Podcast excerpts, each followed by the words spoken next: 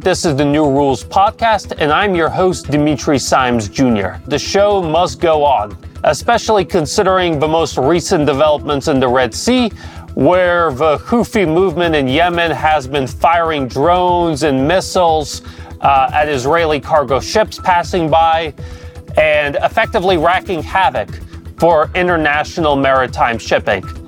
Now, the United States is raising the stakes by trying to assemble a naval coalition to effectively blockade the Houthi movement in Yemen.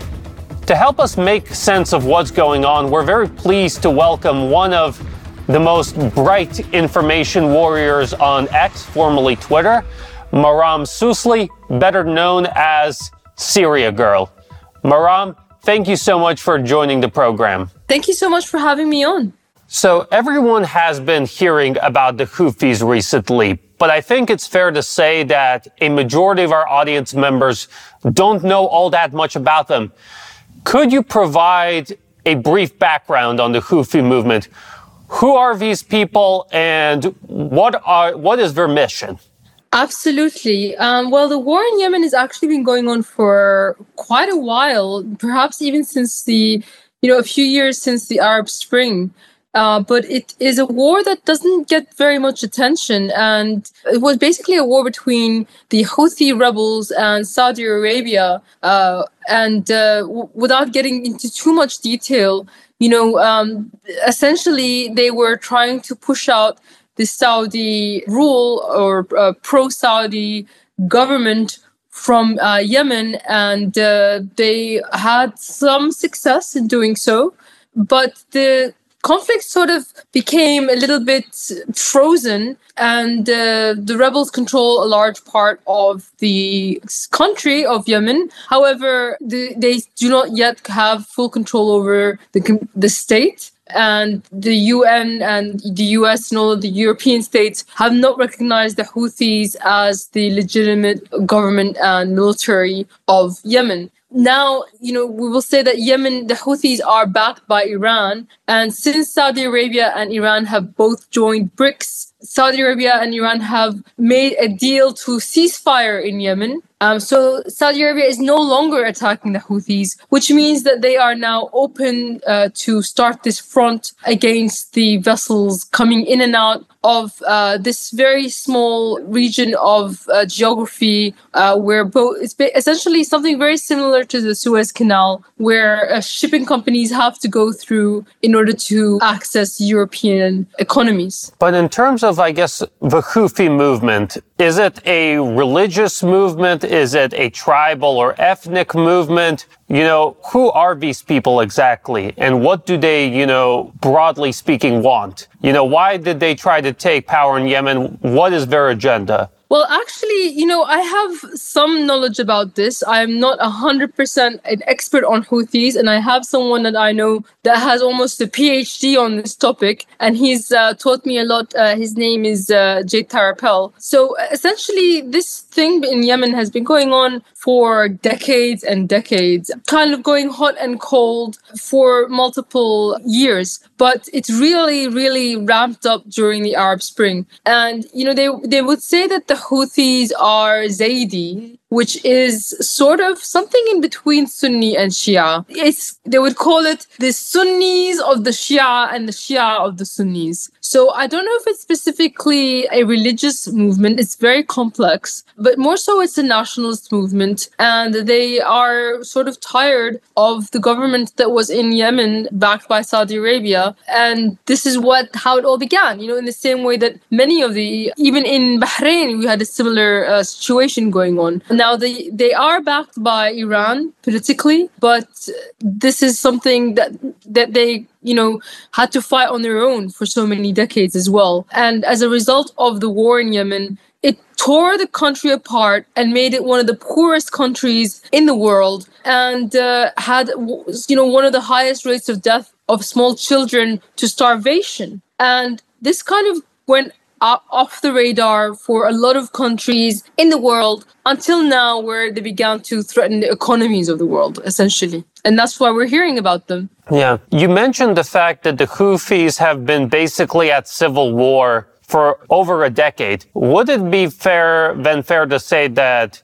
they are some of the most battle hardened, experienced troops in West Asia, of the Middle East. I wouldn't even call it a civil war because they are directly fighting, they were directly fighting Saudi Arabian military. So it was a war between Yemen and Saudi Arabia. And they have been fighting since 2015, the Saudis. And so they became extremely battle hardened. And, you know, these are people who are, they seem very skinny because, of course, there's not a lot of food anymore in Yemen, especially with the siege that has been going on for so many years. But they are known and acknowledged in the Middle East to be some of the most skilled fighters, even more than Hezbollah, because there's you know there's so few of them and yet they're so effective and powerful in what they're doing. And they seem to have also the ideological, you know, anti-Zionist. If you see their slogan of Ansarullah, you know, a lot of it is about death to America, death to Israel. These guys are, they have an ideology and they're not going to stop for any reason. They can't be bought essentially. Yeah, but I think, you know, when people say the word Houthi rebels, people get the image of people in sandals and AK-47s, but I think it's important for our audience members to know that actually a lot of the Yemeni military,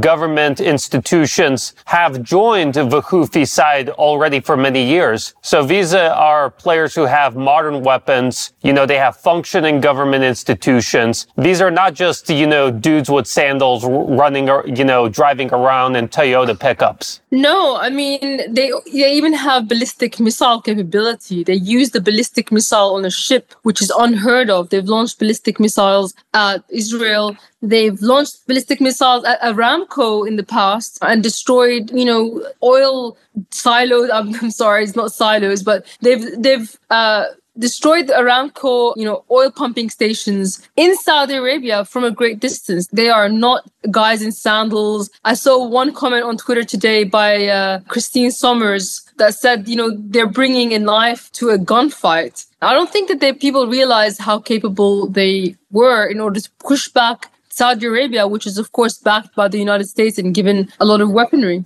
At the same time, it seems like the Houthis are taking a big existential risk because They've effectively cut off the main trade artery of the collective West. They've thrown uh, international maritime shipping into havoc. And understandably, they've put a massive target on their back. Why are the Houthis willing to take such a massive risk to help the Palestinian cause? I think that everybody in the Middle East every popular resistance movement wants to do something about the genocide in Gaza. We see this in Lebanon as well. You know, Hezbollah has put a target on themselves as well.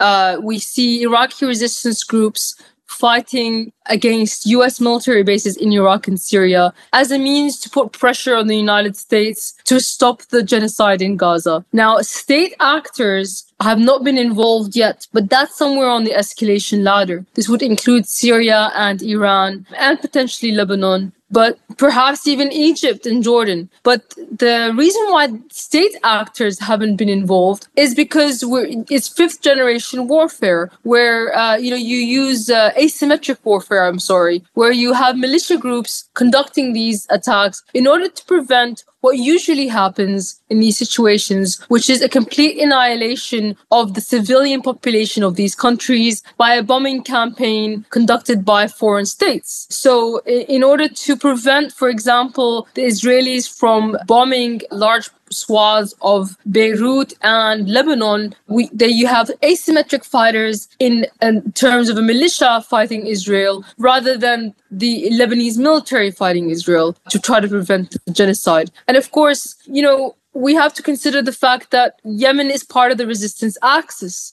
which includes uh, their, ba- you know, their backers, their supporters, Iran, and of course they are basing their entire movement on the notion that the government of Yemen uh, that was there before was basically a puppet of the West, a puppet of the Saudi Arabians and the Gulf Arab states, and those states are doing nothing about the genocide in Gaza. So, in order to justify their existence and to justify their cause, they have to act. For the Palestinians and to stop the genocide. This is what they're all about. And uh, it might surprise people because, of course, Yemen has suffered so much for so long and a lot of their people are starving that these guys are willing to put take such a risk. But that's because they're governed by principles above all else. So, in the sense, they are a genuine revolutionary movement because they don't simply view themselves as being the national representatives of Yemen, but they view themselves as being in the avant-garde of a broader regional revolt against the global American empire and its allies. They are certainly seeing themselves as a re- revolution, but I also think that they feel that they represent Yemen, the true feeling amongst the Yemeni people. Because,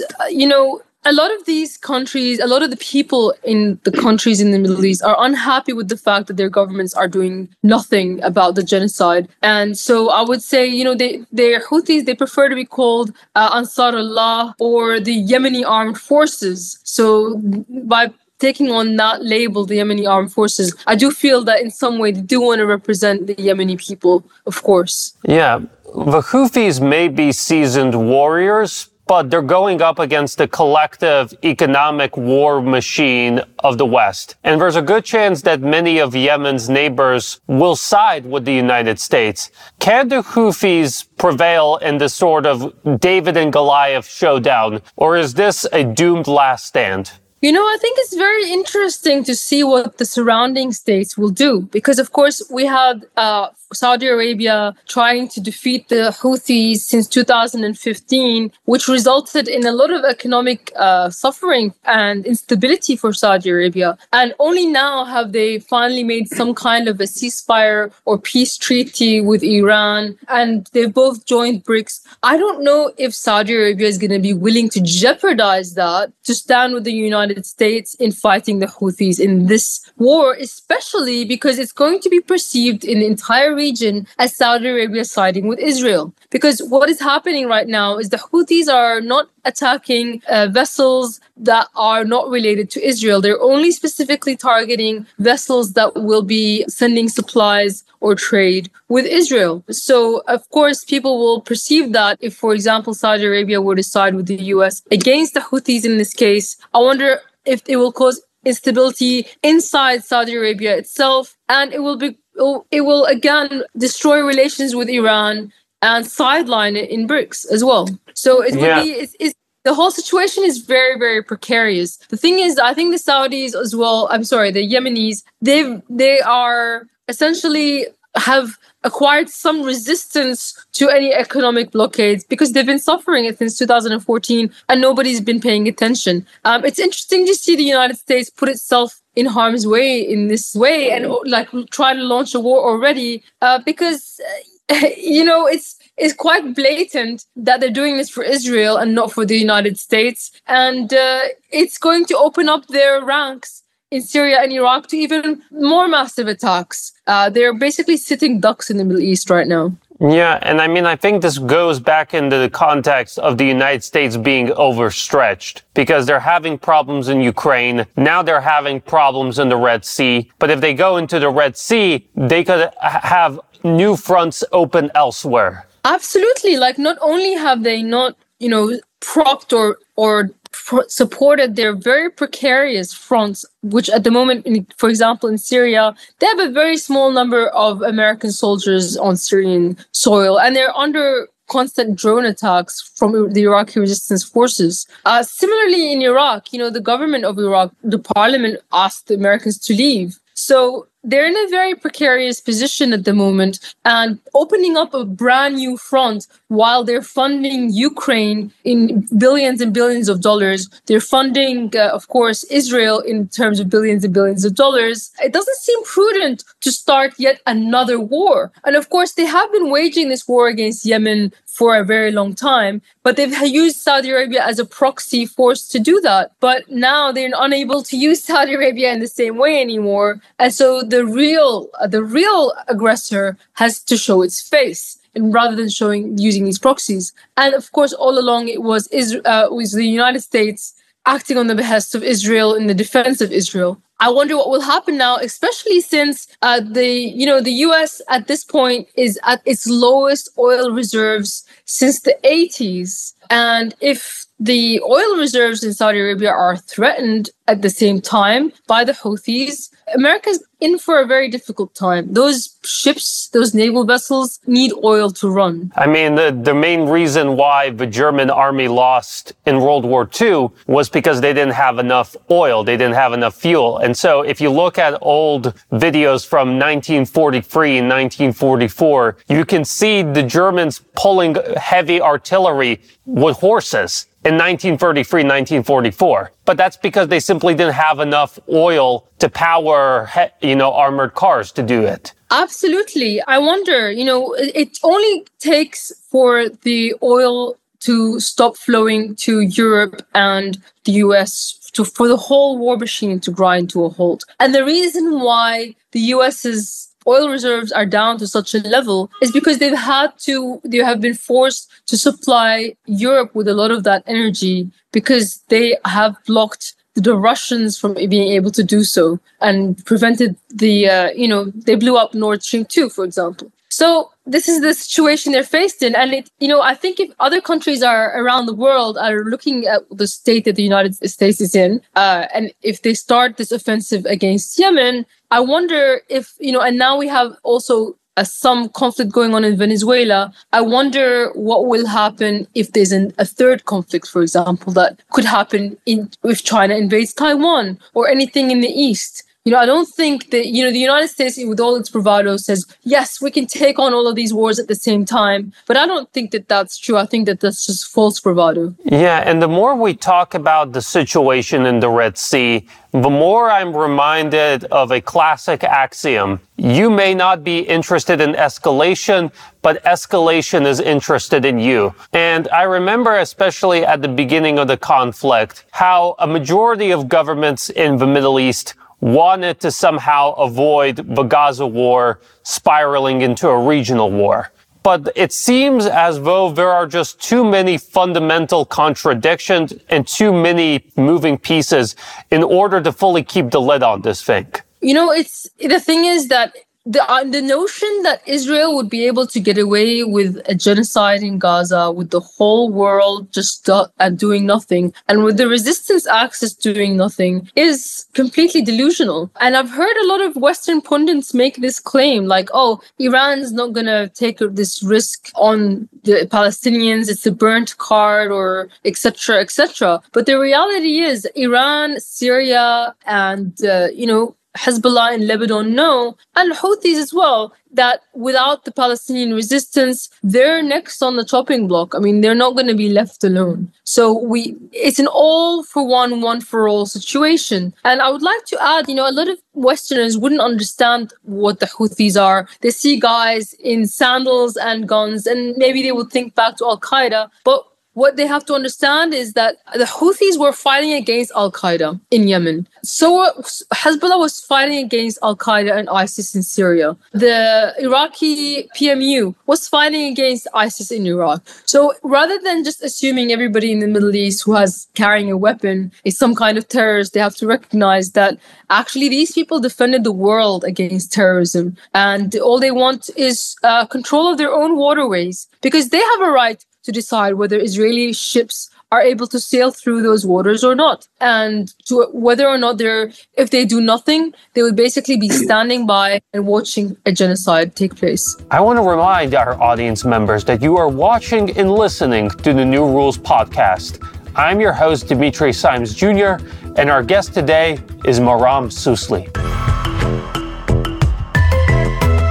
I want to touch a little bit on the point you made about the domino effect because, you know, I read Israeli newspapers and I see all these different reports citing senior sources of the Netanyahu government where they talk about the fact that there are serious discussions in Tel Aviv that if Israel is able to achieve decisive victory in Gaza, then the next one on the chopping block is Hezbollah, because they're very terrified of the prospect that Hezbollah could launch an October 7th style attack on Israel's northern border someday. Absolutely. Um, the thing is that that is likely inevitable the way that I'm seeing it, essentially the resistance inside Gaza is doing quite well against the Israelis. They basically, the Israelis have killed 20,000 Palestinians 99% of them are civilians. Even by their own numbers, they admit something like 94% are civilians.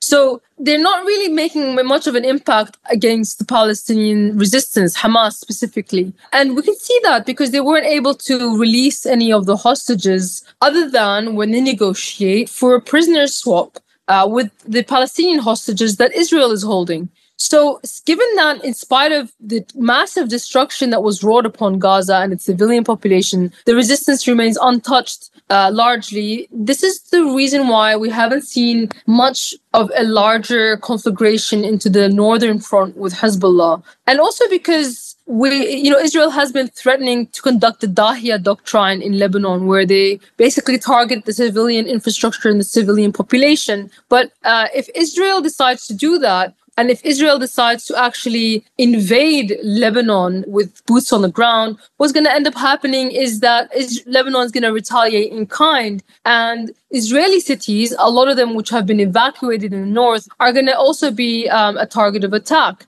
So, you know, this is something that is going to be really largely up to whether the Israelis decide to stop their onslaught in Gaza or not which every piece of rhetoric we've heard from them is that they will not. And in fact, even illegal, you know, some of these companies that build illegal settlements are currently advertising property in Gaza to sell to Israelis after they've completely wiped out the Palestinian population there. And they're they brought in not only tanks but bulldozers to clear the rubble in order to build uh, these illegal settlements in Gaza. So clearly they have this intention of pushing away the population of Gaza Gaza, pushing them out, killing them, and taking their land. And if they don't stop that, then obviously it's going to escalate on the northern border. And it's not going to even necessarily be Israel that starts that. It could be Hezbollah themselves that starts that. But I think in that scenario, Hezbollah would not be the only actor that would be angry, concerned,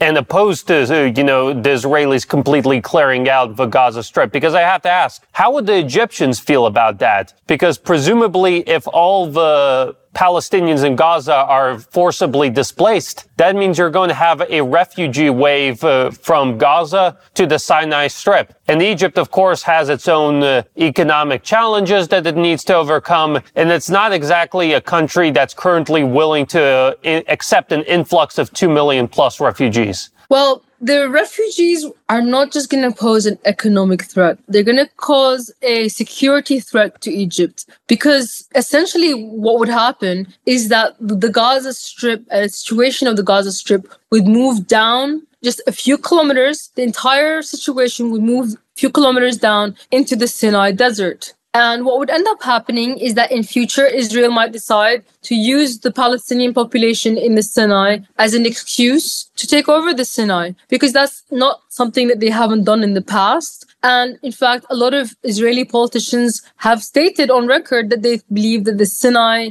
desert, where the Suez Canal is, is something that they want to take uh, in the future and is actually part of Israel. Everything from the Nile to the Euphrates, they believe it belongs to them. So what we're ending up seeing here is Egypt is not going to only. This is why Egypt hasn't opened the border to Gaza for the influx of refugees. They have been accepting injured people and babies that were in incubators, but other than that, they're not opening that gate unless to bring aid in. And because they know that at the end of the day, their entire the entire reason that Egypt hasn't opened a front against Israel is because in 1973 they've signed a peace treaty for to get the Sinai desert back and to maintain some kind of peace or security with the Zionist ideology. But what's the point of that peace if it's being threatened by an influx of 2 million refugees that are just going to move the situation of Gaza down a few kilometers into the Sinai. There's no point to keep that peace treaty. But I think that the Egyptians are not the only ones that could face a precarious position because in addition to forcing the Palestinians out of Gaza, we see an intensification of settler activities in the West Bank. And, you know, we see people, Israeli politicians aligned with Netanyahu and Ben Gvir and others call for the Palestinians not only to be kicked out of Gaza, but also of the West Bank. That, of course, would be a catastrophe for Jordan because now you have all these sort of refuge, you now have an influx of refugees from the West Bank. And for our audience members, to put it delicately, the Palestinians and the Jordanians have a complicated history, to put it lightly. Well, half the population of Jordan is already Palestinian refugees. Half. So, you know, people uh, a lot of Westerners I hear, especially ones that want to ethnically cleanse the Palestinian people, are like, why can't the surrounding countries just absorb the entire Palestinian population? And that's already essentially what's happened. Like the majority of Palestinian refugees exist in the surrounding countries. And the thing is that Jordan has a peace with Israel as well, a precarious peace based on the uh, fact that they're not going to push the Palestinian population from the West Bank to Jordan. If they did that, then of course the Jordanian king would be gone. Uh, there's just there's no way that if four million Palestinians in the West Bank go to Jordan, they will outnumber Jordanians, and the government of Jordan will be will not last. So this is why they see that as a threat, and they this is something that Israeli politicians have discussed legitimately. Especially we're we've been seeing the ethnic cleansing happening in East Jerusalem for quite a few years. But they had hoped to do this anyway. But they wanted to do this in a very gradual way, kind of like boiling frogs over many, many years, uh, slowly, slowly kicking out the Palestinian population. But now it's they have an excuse to accelerate the situation. And even Palestinians that are within 1948 Israel, they too face ethnic cleansing as a threat, um, and they face they've, they've some a lot of them have had a threat to their lives. So um, and they number two million. Uh, so you know this is something we're facing. This, uh, if Jordan and Egypt see these things happening in a way that they feel is like a large number, they might flip and they might actually cease being friendly to Israel and join the war. Yeah. So, I mean, I, I think that all of these points are important for our audience members because I see a lot of the discourse right now make basically the following argument that this war is over, the Israelis have won, Hamas has lost, no one did anything, you know, basically game over with the exception of the Houthis who are harassing ships. But, you know, I think over the course of our conversation, I've, we've made it clear that there's still a lot of volatile points that could go off at any moment. Precisely. And I think that people, this is, they have to, it's going to be a long war. I think, you know, maybe even a year. And this is going to be a war of attrition. And people need to like be prepared for that because even the United States said that they won the war in Afghanistan within a few months. They got rid of the Taliban. And now they look at where the Taliban is. 20 years later, the Taliban won the war. In Iraq, you know, mission mission accomplished. Was it accomplished? You know, how many thousands of US soldiers were killed after mission accomplished? So this war could result in the end of Palestine, but it could equally result in the end of Israel. And we don't really know the outcome. It could even result in World War III. So this is something that we have to be aware of and uh, not be buying into the propaganda of the same people who told us mission accomplished in Iraq, the same sort of rhetoric of it's all over. Um, look, they they have they are conducting a genocide. A lot of Gaza has been destroyed, and yet you know the war is is not going to be over for a while, unfortunately. Yeah. I, I do want to ask about that because to play devil's advocate, the Israelis have released a lot of photos of videos of their troops in central Gaza. They've released a lot of photos and videos of their troops, you know, lining up uh, Palestinian men in underwear. It does seem like they have the strategic initiative and that they are in control of the situation.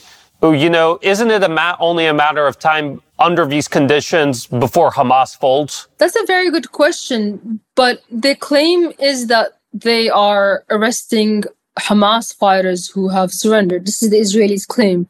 However, you never see footage of these men with Hamas insignia, for example, or flak jackets, or you never see them coming out of the tunnels and surrendering. And uh, why is it that we only ever see them with guns after their shirts have been taken off? It's clear that they have been given those guns by the Israelis after stripping them. And a lot of them have been discovered to be civilians. People have recognized doctors amongst the crowd. Of course, the Israelis have raided the vast majority of hospitals in Gaza. Um, so they have the initiative, they have control when it comes to the civilian population. But I don't have don't think they have any control when it comes to the actual uh, Hamas fighters under the ground, none of which I've seen surrender at all. And if the Hamas was surrendering, wouldn't they surrender the hostages as well? So yes, so essentially, you know, we they do have, however, a large amount of control over the civilian population.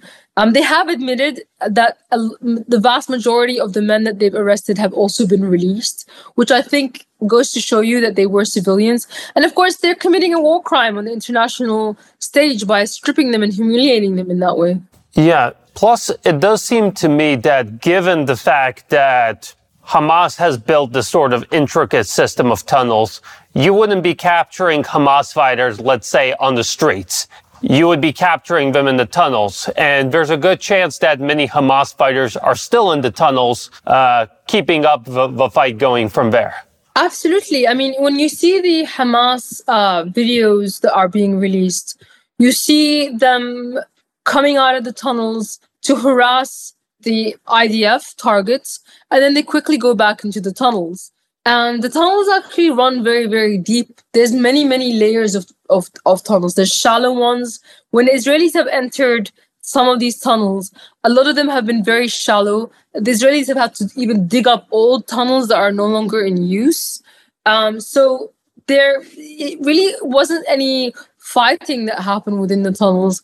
So Israel, you know, they they know that 200 hostages now, all of them military hostages, are, are in there, but they're not going in to collect them, and that's because they know that the tunnels are booby trapped and it would be essentially a death trap because they also don't know what's down there. Hamas can turn off the lights essentially as well at any moment if they see men in the tunnels, and then they'd be fighting in pitch darkness. So, what is Israel's strategy in this? They can't get to the tunnels, they can't get to Hamas, uh, they can't get to the military prisoners. So, they're taking out their frustrations on the surface of the uh, civilian population. Every single bomb that's being dropped now from the air is not getting to those tunnels. So it's not affecting the resistance, but it is punishing, uh, it's a collective punishment of the civilian population, essentially. One interesting thing that I've noticed upon analyzing the Israeli casualty lists, it seems that there's a disproportionate number of officers killed. You see very few rank and file infantry soldiers killed, but you see a lot of officers, lieutenants, so on and so forth killed. And the other thing is that these officers are incredibly young, you know, 22, 19. So you have basically college aged kids commanding troops in one of the most difficult urban battlefields in the world today. That is a very interesting observation, and I know that uh, you know uh, already commanders, generals, you know, a very high-ranking list of uh, people have have died according to the Israelis, according to their own numbers. And I suppose one can conclude a few things from this. Either they're giving people ranks that are, uh, you know, just for show and not actually deserved, especially if it's, as you say, 19 year olds with these ranks. That may be why. Or perhaps they're hiding the number of dead. And the only number, the only ones that are being reported are the ones that are, in fact, uh, you know, officers. I mean, have they named every single person that has been killed? I wonder. If they haven't actually provided a, na- the, a list of all the names, then uh, one can very easily hide the number of dead. Yeah.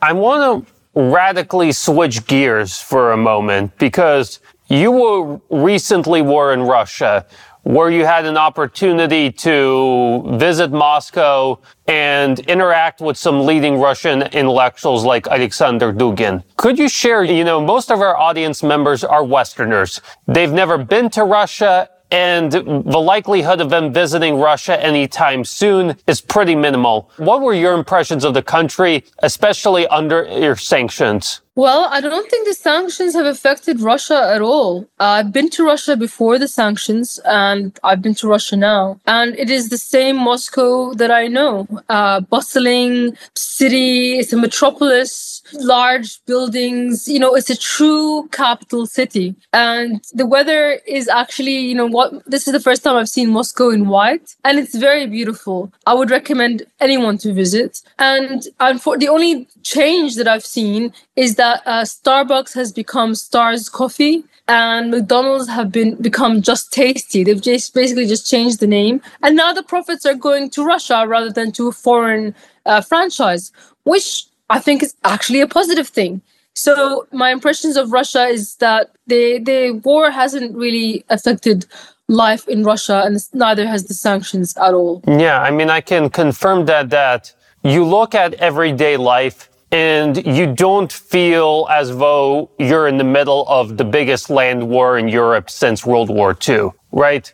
Because you go to the supermarkets, the shelves are full, there's a larger variety of products. Same with you go to the mall, lots of different clothings, brands, but instead of having Western brands, you have Russian, Chinese, Turkish, Indian, so on and so forth. I think it's a massive improvement if you ask me, because, you know, at the moment in the West, a lot of people are trying to boycott Starbucks because of their support for Israel, for example. But in Russia, you don't even have to worry about that. You know that you're eat what you're eating is guilt free. And there is this thing in the back of your mind that yeah, Russia is at war. When you're driving through the streets, you see bill uh, billboards of you know fallen soldiers or people who have done heroic deeds, and you think you know Russia is actually directly at war uh, with NATO.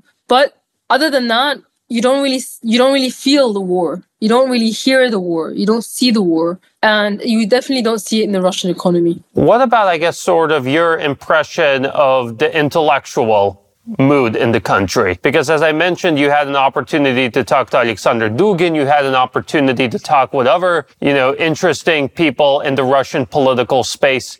I guess sort of what is your impression of the prevailing mood in Moscow right now? I had the honor of speaking to a lot of people, including Professor Alexander Dugin. And, uh, you know, without naming too many, dropping too many names, I, you know, I was honored to be able to get a sense of what's going on in the Russian zeitgeist at the moment. And I think the Russians are, they have this sense of Russia's back, if I can put it into two words.